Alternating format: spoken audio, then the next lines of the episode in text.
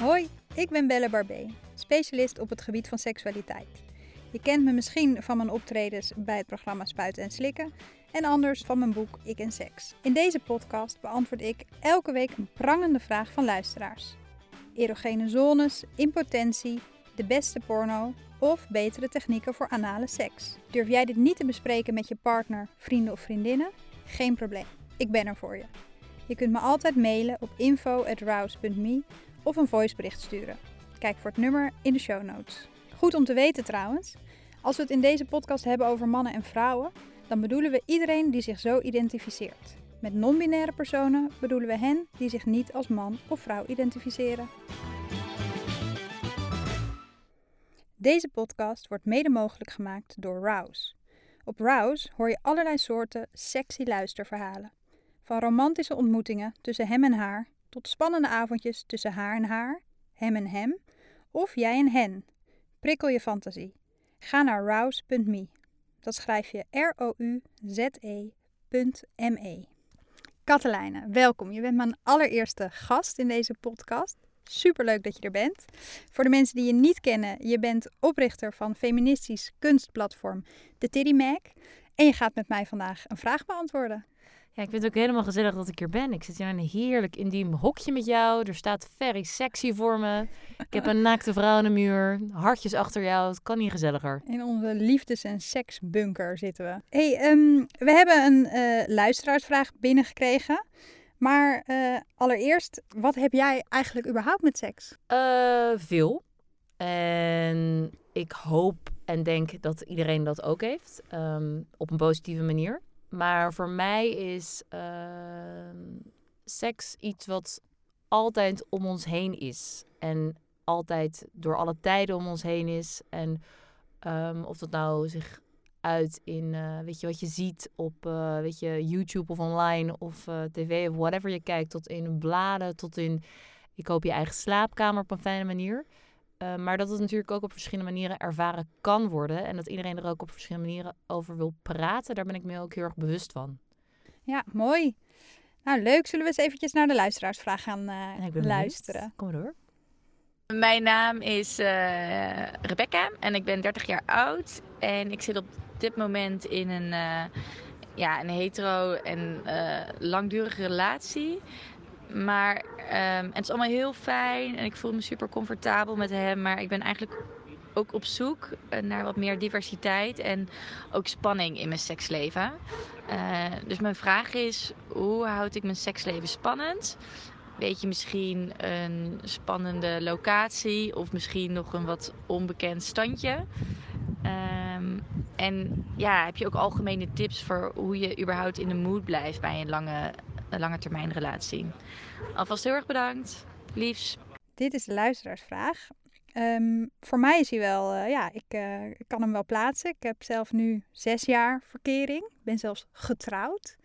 Hoe is het voor jou? Heb je wel eens een langdurige relatie gehad eigenlijk? Eigenlijk ben ik voor nu voor het eerst sinds een tijdje weer echt vrijgezel. Um, en heb ik altijd wel relaties die een beetje in elkaar overlopen. In relaties um, het spannend houden was voornamelijk de vraag, hè? Dat, uh, ja. ja. Nou ja, is het niet ook, want als ik nu ook naar, aan jou even naar jou kijk, maar een sleur voorkomen, is dat, voelt het voor jou soms als een sleur zelf? Ja, toch wel. Ik hou ook wel van seks.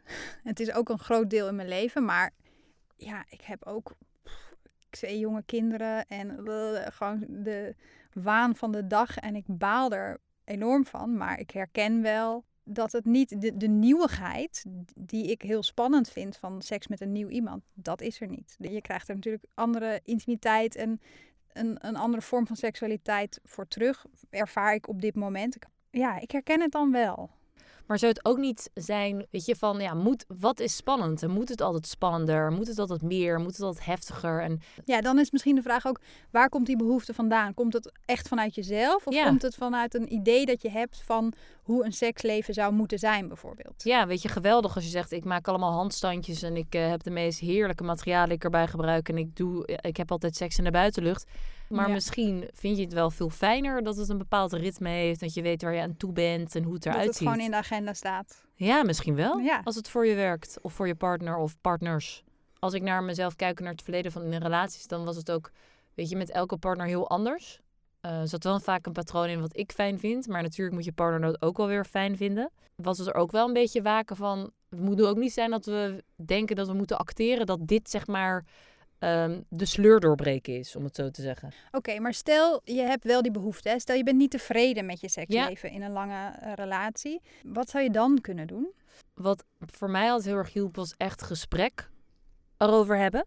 Ja, dus dat juist, weten we ook hè, uit onderzoek dat dat eigenlijk de grootste indicatie voor seksueel plezier is. Of partners een beetje goed met elkaar kunnen praten over de seks. En juist inderdaad het openbreken van waar heb jij behoefte aan, waar heeft je partner behoefte aan. Dat is natuurlijk ook weer soms lastig, omdat je dan extra kwetsbaar misschien soms voelt door te vragen of dat het gevraagd wordt. Dat je denkt meteen al schietende, ja. oh nee shit, wat doe ik dan verkeerd? Terwijl uiteindelijk wil je toch samen dat het het beste is, weet je? Dat het, je maar dat is natuurlijk in elke situatie zo. Natuurlijk al helemaal bij seks. Je wil uiteindelijk dat je samen het fijnste samen deelt op de meest prettige, fijne manier. Ja.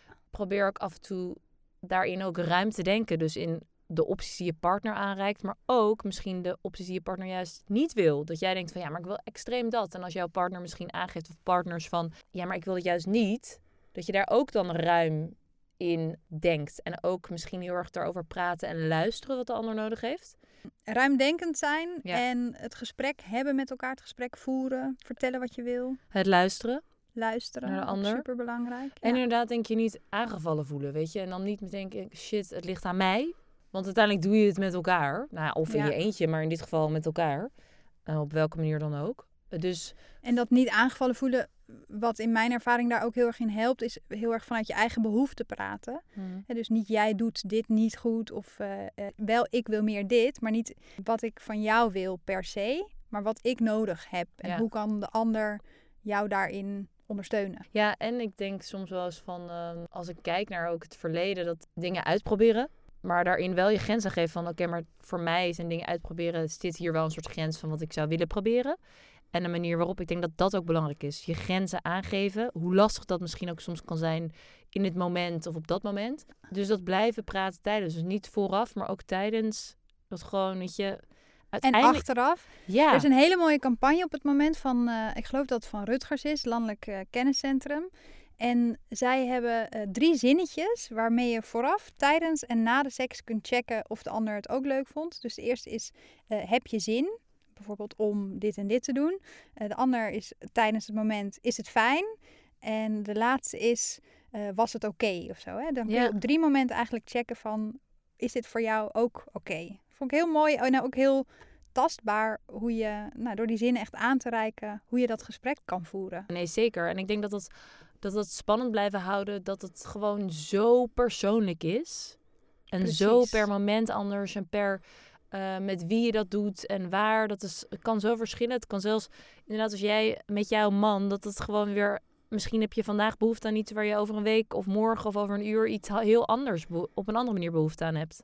Ja, de, de andere uh, luistersvraag is: Mijn libido is gone. De vraag die ik hier eigenlijk in hoor is: hoe krijg ik dan mijn libido terug? Wat is het libido? Wat is het? Ja, en wat is dat? Is er één libido met één soort van uh, dan is het, is het er, dan is het er niet. Maar als we het zouden hebben misschien over de zin in seks, is dat ook iets wat misschien hier aan gekoppeld zou kunnen zijn? Zeker. Als ik nu zelf kijk, ik ben nu single, vrijgezel en ik vind, um, wat ik zei, ik vind seks heel belangrijk. Ik denk dat het overal is, ook voor mezelf. Maar ik merk nu bijvoorbeeld dat ik um, nu op dit moment mijn priorities heel anders heb uh, neergezet. En ik vind date heel leuk en ik vind alles wat erbij komt kijken ook heel leuk. Maar dat voor mij op nummer één hele andere dingen even staan. Wat ik heel erg hoor in deze vraag is iemand die wel graag zou willen, maar het niet voelt of niet ontbreekt, zeg maar. Het is een gemis. Ja. Um, maar ik denk dat, dat de spanning van deze situatie misschien wel zit in het feit dat je ontevreden bent over, uh, nou ja, dat dus je zin in seks verdwenen is. Als je het helemaal zou accepteren, dan was er niks aan de hand. Ja ja, je bent wat, tevreden. Wat wel grappig is, want ik vind eigenlijk iets wat voor mij hoorde het voor het moment waar ik nu zit iets bij echt wel alle dag. Die wil ik de dag in druk leggen op andere mensen als je dit hoort.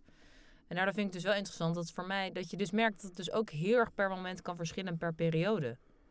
Ja. Dat die zin of dat dat ook zo wisselend kan zijn. Dus ook uh, kan zijn dat je dus echt er behoefte aan hebt en het echt mist. Ja.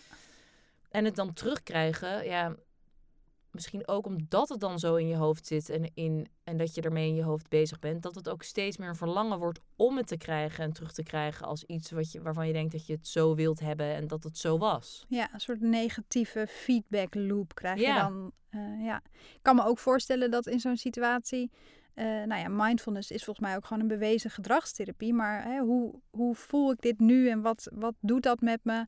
Ehm, die zin of de afwezigheid van zin en het, het zijn in het hier en nu en accepteren dat je die zin wel of niet hebt, lijkt me ook een, een nou ja, mogelijk een mooie manier om ermee om te gaan. Komt het gevoel bij jezelf vandaan? Of denk je dat je dat gevoel moet hebben omdat eh, externe dingen meespelen? Inderdaad, zoals de ander, of het nou je partner of partners zijn, of de eh, maatschappij, de waarin we nog steeds denken dat omdat er één libellenonderzoek ooit is geweest, dat de gemiddelde Nederlander twee keer per week seks heeft, dat dat een soort van de maatstaf is. Het is zo allemaal inderdaad fluïde dat het, eh, ja, dat je gewoon misschien bij jezelf echt moet nagaan van, is het erg dat ik me even zo voel? Ehm, en waarom, zo ja of zo nee, waarom dan? Ehm, en dat het dus ook elk moment weer kan veranderen. Nou, dankjewel Katelijne. Graag Ehm, gedaan. Thanks for having me ook. Zeker. Nou, heel fijn. Heb jij nou ook een vraag? Dan kun je die whatsappen in een voice message naar het nummer in de show notes. Fijn voor ons als je eventjes wat vertelt over je eigen situatie. Heb je een relatie? Hoe oud ben je?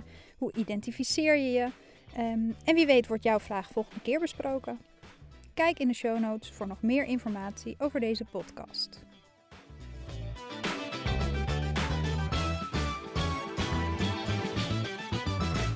Deze podcast werd mede mogelijk gemaakt door Rouse, het platform voor sexy luisterverhalen. Als toetje gaan we nu luisteren naar een preview van een van de verhalen van Rouse. Verder luisteren? Ga dan naar rouse.me en beluister onbeperkt sexy verhalen.